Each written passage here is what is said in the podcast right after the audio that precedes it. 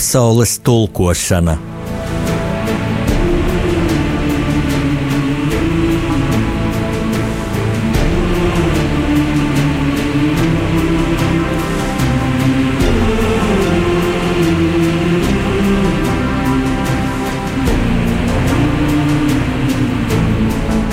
Studijā rakstnieks Jānis Udris.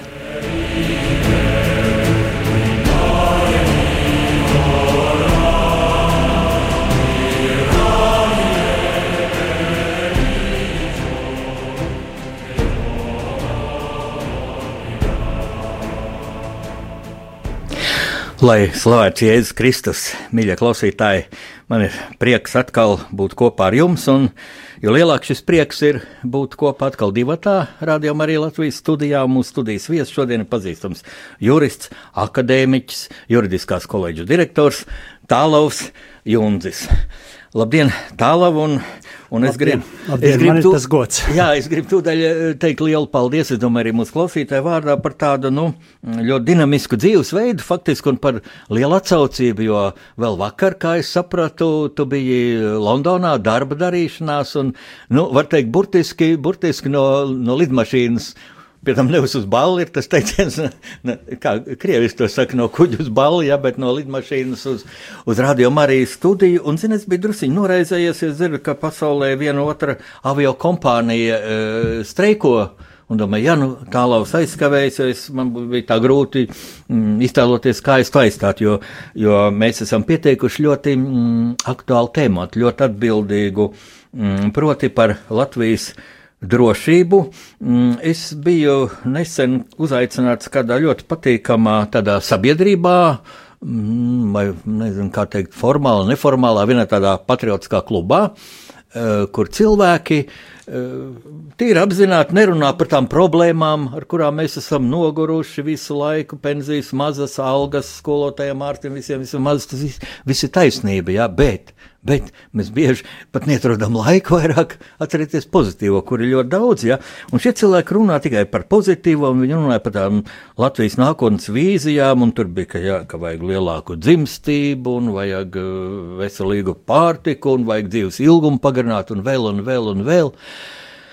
Ai, bet viņi aizmirst vienu lietu, un es biju spiests, kā saka, nu, ar savu tādu druskuļi pavilkt uz leju to, to optimismu, kas ļoti vajadzīgs, man pārliecība, ļoti vajadzīgs, bet vajag drošību, un lūk, drošības jomā vai nu ir tā, ka nu viss ir tik droši un tik labi. Mēs tā sakām, Latvija drošākā kā jebkad, un es domāju, tu to pateiksi savu viedokli. Man personīgi liekas, ka tā formāli ņemot, jā, ja mēs esam NATO, mums ir NATO piektais paragrāfs, tāda drošība nekad nav bijusi, bet man liekas, ka hibrīda kara apstākļos uh, tas mūsu vājais punkts ir varbūt tomēr nepietiekama tāda valstiskās piedarības apziņa, varbūt uh, nu, patriotismu tāds līmenis, ja tā varētu teikt, kaut nu patriot, nav tāds mērķis mērvienības, kā izmērīt patriotismu, ne gramos, ne kilogramos, ne, ne kilometros, ne metros, bet eh, tas līmenis kopumā, un ja daudz cilvēku brauc uz ārzemēm, ja vienkārši tur ir ekonomiski labāk, un tad man nāk prātā tas sākuma punkts, man liekas, ka bija ļoti spēcīga, pat liktenīga pārbaude, barikāžu laiks, ka mums patiesībā taču nebija, nu, mums nebija ne armija, mums bija kāda kārtības sargi neapbruņoti, jā, bet mums bija grība, mums bija šie traktori no kolkoziem. Lūk, mīļie klausītāji, daudz no jums to zinās, bet varbūt arī daudz nezinās jaunā paudze, ka tieši šajā barikāžu laikā mm, Tālaus Juntis vadīja vecrīgas barikāžu aizsardzības štābu. Lūk, e, tālāk es gribu lūgt tavu, tavus pārdomus, tādu analīzi, vērtējumu uz manu uzstādījumu, ja? Mm, sākt ar to, kā tas bija barikāžu laikā, Kāda tad toreiz bija mūsu drošība un kas bija mūsu stiprie punkti un kuri bija vājie? Atceroties, ka tepat pārdesmit km no Rīgas ādažos bija tanka armāda okupācijas armijai. Nu, un pēc tam jau būs ļoti daudz jautājumu tev, jo tālaus Junzis pēc šī barikāžu laika bija Latvijas aizsardzības ministrs, un pēc tam vēl otrais pēc kāda laika. Un vēl pa vidu ir bijuši ļoti atbildīgi tādi amati, kas ir saistīti uh, gan ar tavu juridisko izglītību, un milzīgo pieredzi un doktora grādu, bet nu, jurisprudence un turpat arī valsts drošība. Lūdzu, vārds akadēmiķim Tālvam Junzim, es tev vairāk netraucēšu. Jā, paldies. Nu, tik tiešām, ja mēs atceramies to laiku, barikāžu laiku, eh, tad eh, tā nedrošība un varbūt arī tā sliktā puse visai tai lietai bija tāda ārkārtīgi liela bezspēcība. Jo tad, kad mums nāca mūsu virzienā uz augstāko padomu, uz štābu, to laiku, kur mēs atrodāmies augstākās padomas tagadējā komisijā, kā iedomājieties, nāca bru, bruņoti omonieši ar mašīnām un visi tie mūsu informatori, mums bija laba, starp citu, informācijas sistēma, to laiku vēl ar telefoniem, vēl tādas rācijas bija, nebija mobīlo telefonu, un mēs jūtam, ka viņi virzās visticamāk vai nu uz augstāko padomi, vai labākā gadījumā kaut kam garām, bet mums nav ko likt pretī. Mums nav ieroči, mums nav milici, miliči, kas mums bija. Burtiski, jāsaka, interesanti, visu augstāko padomu sargāja burtiski daži miliči. Četri miliči atrast jau bija pagrūti, jo Rīgas milicija bija vienā daļā sašķelta, viena, vienai lielākajai daļai nebija ieroču vispār, jo padomu savienība jau bija paspējusi to laiku jau miliciju, var teikt, atbruņot lielā mērā. Tā bija tā bezspēcība, un tā varbūt bija tā sliktā puse visā tajā lietai. Bet es domāju, no šodienas īpaša viedokļa skatoties, tā stiprā mūsu puse bija, kur tiešām mēs varētu, es pat teiktu, pamācīt varbūt vienu otru tautu. Es nebaidos lietot šos vārdus. Tā ir tas, ka mēs nešāvām pretīm nevienam, un mūsu spēks bija tas gara spēks. Faktiski citas arī nebija izvēles. Un tagad īpaši analizējot to, tā bija tieši mūsu stiprā puse. Ja mums būtu bijuši kādi tie ieroči, un ja mēs sāktu šaudīties, nu tad paskatāmies pasaulē gan šodien apkārt, gan arī pirms 30 gadiem vai pirms 15 gadiem tie paši, um, tā sakot, Palestīna jau uh, ar Izraelu tur var teikt uh, karoja un terora akti jau pirms krietni bija. Mēs sākām uh, savu atmodu vispār veidot. Baski, nu tie tagad ir pierimuši Spānijas ziemeļos, tie ilgus gadu desmitus šaudījās un tā ar neatkarību viņiem nav atnākusi, nerunājot par kurdiem un tamiliem tur pasaulē. Un citiem vārdiem mēs laikam to stipro pusi pareizi, nu tā sakot, iz, izvēlējamies un varbūt arī nebija citas izvēles. Tā bija tā nevardarbīgā pretošanās, kad ar savu gara spēku, ar savu stāju mēs šeit stāvam. Ja jūs brauksiet ar saviem tankiem, ieročiem, eh, tad mēs te arī paliksim un visa pasaule redzēs, kas ir uzbrucējs un nebūs šau, eh, jautājumu, kurš tad pirmais šāva vai ne. Mums nav ieroči. Tā kā es domāju, tā ir tā stiprā puse. Un, jo jo jā. noklusēt jau padomu režīms to nevarētu. To Rīgā bija ārzemju žurnālisti jā. un mūsu pašu latviešu žurnālistiem bija, bija kontakti ar e, rietumu mēdījiem. Tieši tā, tur, teiksim, patreiz arī arhīvos atrodam dati, tie ir vairāk simti žurnālisti īstenībā, lielākās pat pasaules Um, žurnālistu um, kompānijas, radio, televīzija bija, viņa pārstāve atradās Rīgā. Un tas arī bija tāds gan morāls atbalsts, gan, godīgi sakot, vienotreiz mēs to laiku viņus pat tādu nejutām, uh, bet, uh, protams, ar to bija, es domāju, Maskavai, Gorbačovam un tiem, kas arī gatavoja šos uzbrukumus pret barikāžu aizstāvjiem, ar to vienkārši bija jārēķinās. Eh, cita starpā Kuzmins, Baltijas kara apgabala ģenerālis un komandieris, tolaik pavēlnieks. Eh, viņš tā kādā intervijā grūti teikt, cik, cik nopietni, cik pa jokam, bet gribās ticēt, ka varbūt viņš tiešām tā domāja. Viņš teica, man prasa, lai, lai es tās nekārtības izbeigtu. Nu, protams, ar tankiem, ar, ar bruņojumu, nekārtības te domāts bija barikādas. Viņš saka, bet ziniet, tur taču atrodas 8-10 divīzijas cilvēku. Labi, viņi neapbruņot, bet ko es varu viņiem iesākt ar saviem tankiem. Nu, protams, sa samalt un samīt to es varu, bet eh, arī mm, ģenerālim Kuzminam acīm redzot, roka uz to nepacēlās. Tā kā mūsu tas gara spēks bija tā stiprā puse. Un, teiksim, ja varbūt arī Eh, pāriem uz to šodienu, cik mēs šodien droši jūtamies, tad man tūlīt jāsaka eh, tāds zināms salīdzinājums. Nu, bija ļoti, nu, neteiksim ļoti, bet bija vesela virkni tādu nakšu, īpaši naktis barikāžu laikā. Beig beigās divas nedēļas mēs tur, var teikt, tajā štābā gulējām uz grīdas vai, vai zem galdiem, burtiski tādā veidā tas viss notika, dažas stundas, varbūt diennaktī. Un tad bija tāda, tādas, tādi brīži, no vismaz kādi 3, 4, 5 varbūt tādi, ka tu jūti, ka nu pat laikam, laikam mēs neizdzīvosim vairāk, jo nu nāk, nāk tie bruņotie vīri un droši vien, ko viņi darīs šaus. Un tad, tad bija tāds, nu tiešām bezspēcība un tāds nemieris, nu, ko es varu izdarīt? Un tad, tad, jā, neteiksim, panika, bailes arī nebija, jo mēs visi bijām, varētu teikt, ka nebija pat lielas bailes, ja, jo mēs visi tā kā vienkops bijām, nu, nošaus, nošaus, apmēram tā, mēs varbūt arī jauni bijām tajā laikā.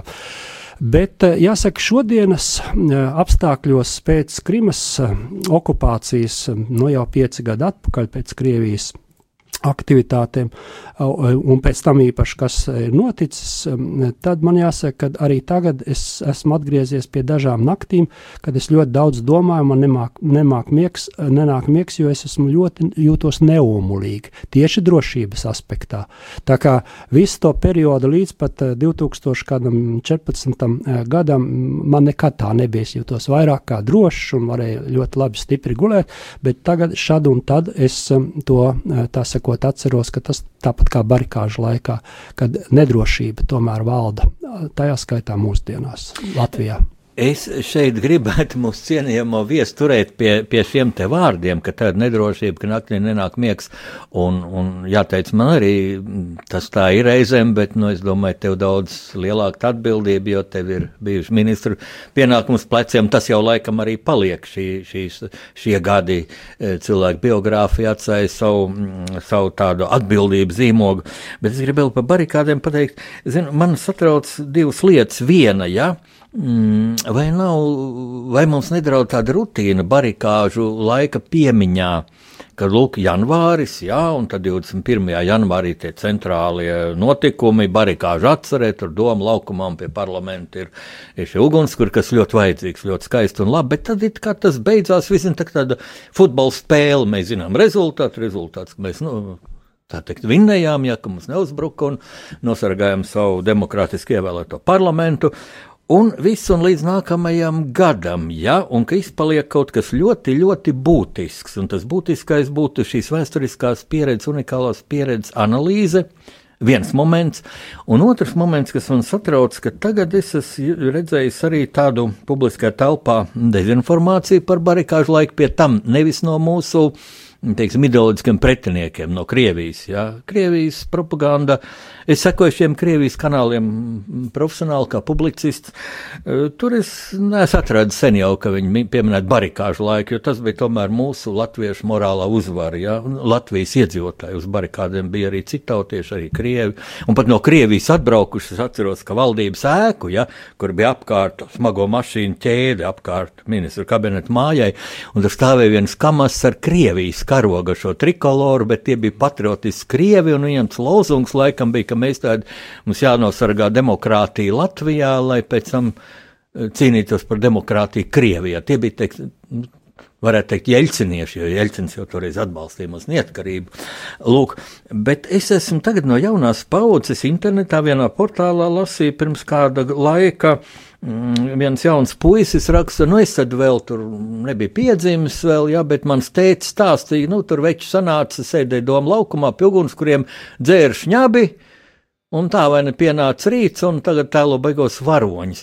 Būtībā jautājums ļoti pragmātisks. Tev kā parikāžu aizsardzības štāba priekšniekam, kā jūs, kāda bija disciplīna šajās barikādēs, teiksim, Nu, vai tā bija tā šņābi dzeršana? Es nerunāju par to, ka varbūt tiešām tur kādi mednieki atnākuši un tur pa, pa simts gramiem iedzer vienkārši, lai sasildītos, ja, bet vai tā bija tāda pļēgurošana? Jo es zinu, es pats nestāvēju tieši barikādēm, es kā žurnālists, man bija caurlaida uz augstāko padomu, toreiz jau parlamentu, es tur staigāju iekšā ārā un taisa reportāžu pavadīju ārzemju žurnālists, tāpēc, zinu, tas ļoti svarīgi, īpaši ar dāņu žurnālistiem es eh, sadarbojos. Es redzēju, ļoti laba kārtība, un tad man vēl ir stāstījuši tā laika patriotiskie milicijas virsnieki, ja, konkrēti Rolands Tiltiņš, ja, pazīstam personību Latvijā. Viņš bija to laiku, manuprāt, milicijas majors. Un viņš savu brāli arī augstu milicijas virsnieku bezgājis pie mums uz štāba, teica, mēs esam milicijas virsnieki, ko mēs varam darīt, un ka viņam es varu dot uzdevums staigāt šais milicijas formās un skatīties tieši, vai nav kaut kāda dzeršana, kaut kāda izlaidība, kaut kas tāds, un tos cilvēkus, teiksim, vienkārši raidīt ārpus, vecrīgas ārpus barikādēm, bet, nu, vārds atkal akadēmiķim Junzim. Jā, nu, dažādi stāsti, protams, ir bijuši un arī apaugtā īstenībā ar daudz ko. Nu, par to disciplīnu jāsaka, ka tas tā nebija, tā nebija barikāžu problēma. Tā nebija tā problēma. Varbūt mums kādā skolā tagad varam atrast drīzāk disciplīnas problēmas. Tāda barikāžu laikā tādas nebija. Nu, varu teikt, teiksim, tie cilvēki, kas mani strādājām štābā un apkārt un konsultā, nu, mums visu laiku nāca cilvēki.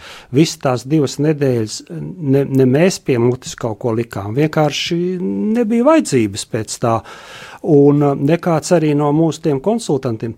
Un beig beigās Protams, iedomājieties, augstumā sēdēt. Mēs te sēdējām tomēr pārsvarā štābā, apkurinātās telpās, bet tiem vīriem, kas sēdēja tur naktīs pie tiem ugunskuriem, protams, ka varbūt tas augstums bija tāds, ka kādreiz spieda kaut ko iesildīties no iekšpuses. To ne, es nevaru izslēgt, bet tajā pašā laikā es arī daudzas naktis atceros, tad tas brīvāks laiks mums bija eh, barikāžu štābam ap, ap diviem, trijiem naktī, tad palika tāds brīvāks, tad nebija pie telefoniem jāsēž un tā. Un tad es parasti izgāju pa vecerīgu, vēl varbūt kādu citu barikāžu to vietu dzirnavielā apmeklēju. Un, un es varu teikt, ka vīri bija skaidrāki par skaidru, mums bija ļoti nopietnas sarunas, kuras man palikušas prātā. Un gandrīz vai visi teica vienu un to pašu citiem vārdiem. Varbūt viņi teica, mēs nepieļausim 1940. gada atkārtošanos, tātad 1940. gadu, kad ienāca šeit eh, padomju armija. Nu, protams, kā viņi to darītu, tas bija atkal faktiski likām rokām tā, bet tā bija pārliecība un milzīga stingra griba. Tā kā dzeršana tur vienkārši nebija prātā. Un nebija prātā, un nebija vajadzīgs, jo visi bija kopā un dziedāja dziesmas un deju. Tas, ka kāds, kāds arī no malas, tur kāds jaunietis bija kādreiz pamanīts, un tur bija arī tas cits aizdoms, ka tas varētu būt arī kāds provokators, tur iedzēris kaut ko mēģināja. Tie bija tādi atsevišķi gadījumi, kas nav īstenībā barikāžu pat uh, disciplīnas problēma. Un viņus tad, kā saka, laipni izvadīja ārpus jo, barikādēm, lai iet citur rakstīties. Jā. jā, jo barikāžu īstenībā tā visa padarīšana faktiski bija, jāsaka, pietiekami pat ne, neticami priekš šodienas laika labi organizēti. Jo faktiski jau barikāža arī tā viena priekšrocība bija tā, ka viņas radās faktiski pēkšņi. Ja? Un līdz ar to tas eh, pretinieks mūsu nebija tam gatavs tādam brīnumam, kad faktiski vienas dienas laikā izaug barikādas, kur stāv desmitiem tūkstoši cilvēku. Ja? Un iedomājieties, norganizēt desmitiem, varbūt pat brīžiem pie simts tūkstošiem cilvēku vienlaikus barikādiem, no nu, lai tur būtu kaut kāda daudz maz kārtība, lai, teiksim, katrs apmēram zinātu, kur viņš atrodas. Nu, tur jāsaka, mm, brīnumainā kārtā mm, arī štābam un varbūt arī tautas fronte nenoliedzami arī tik daudz tur palīdzēja. Nu, tur vajadzēja pastrādāt. Un īstenībā tur bija ļoti stingra kārtība. Tur bija 43 izveidoti vecrīgā viena, ja, 43 tādi sektori. Katrā sektorā bija sektora priekšnieks, viņam bija padotie, kurus seko ne tikai līdz pa kārtību, bet arī daudz pa kur uh, citu rūpējās tur apgādi un tā tālāk. Tas bezgalīgi skaists laiks. Es tā jūtu, tagad vajag mūsu klausītājiem to apdomāt, paklausoties mūziku, un tad man būs atkal jautājumi.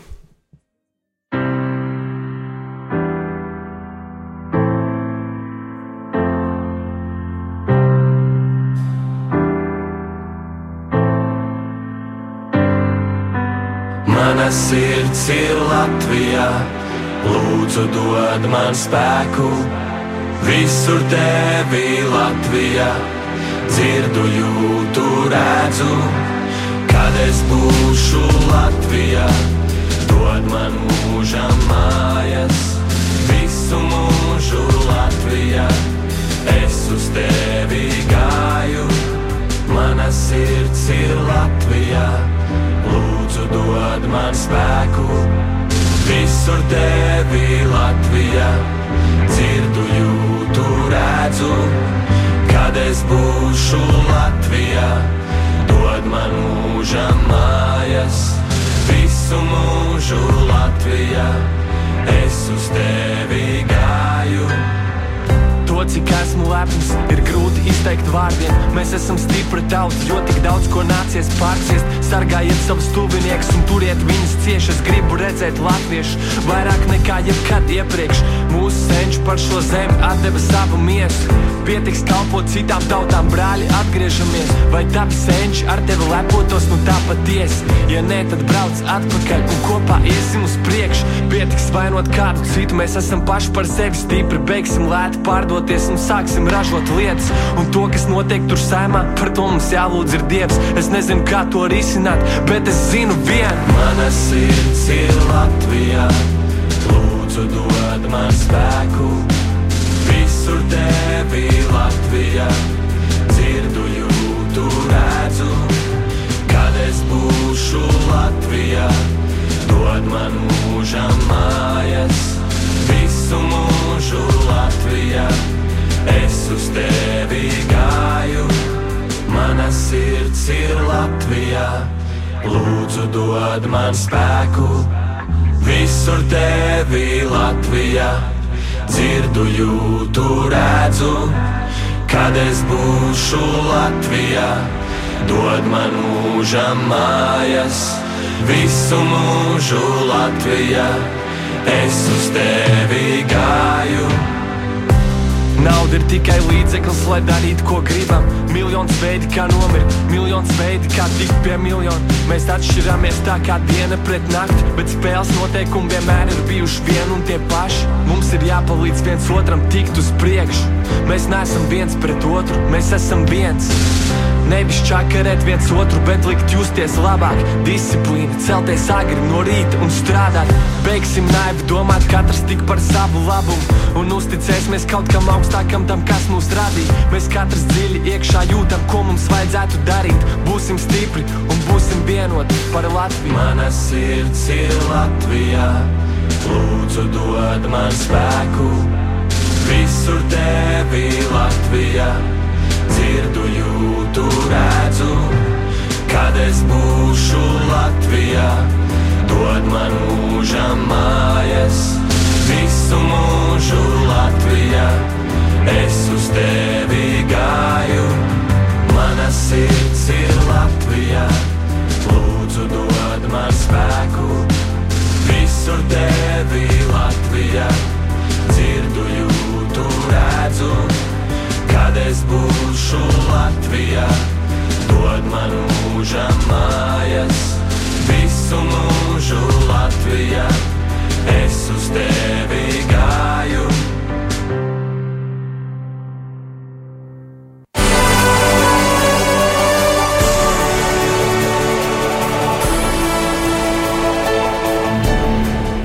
Pasaules tulkošana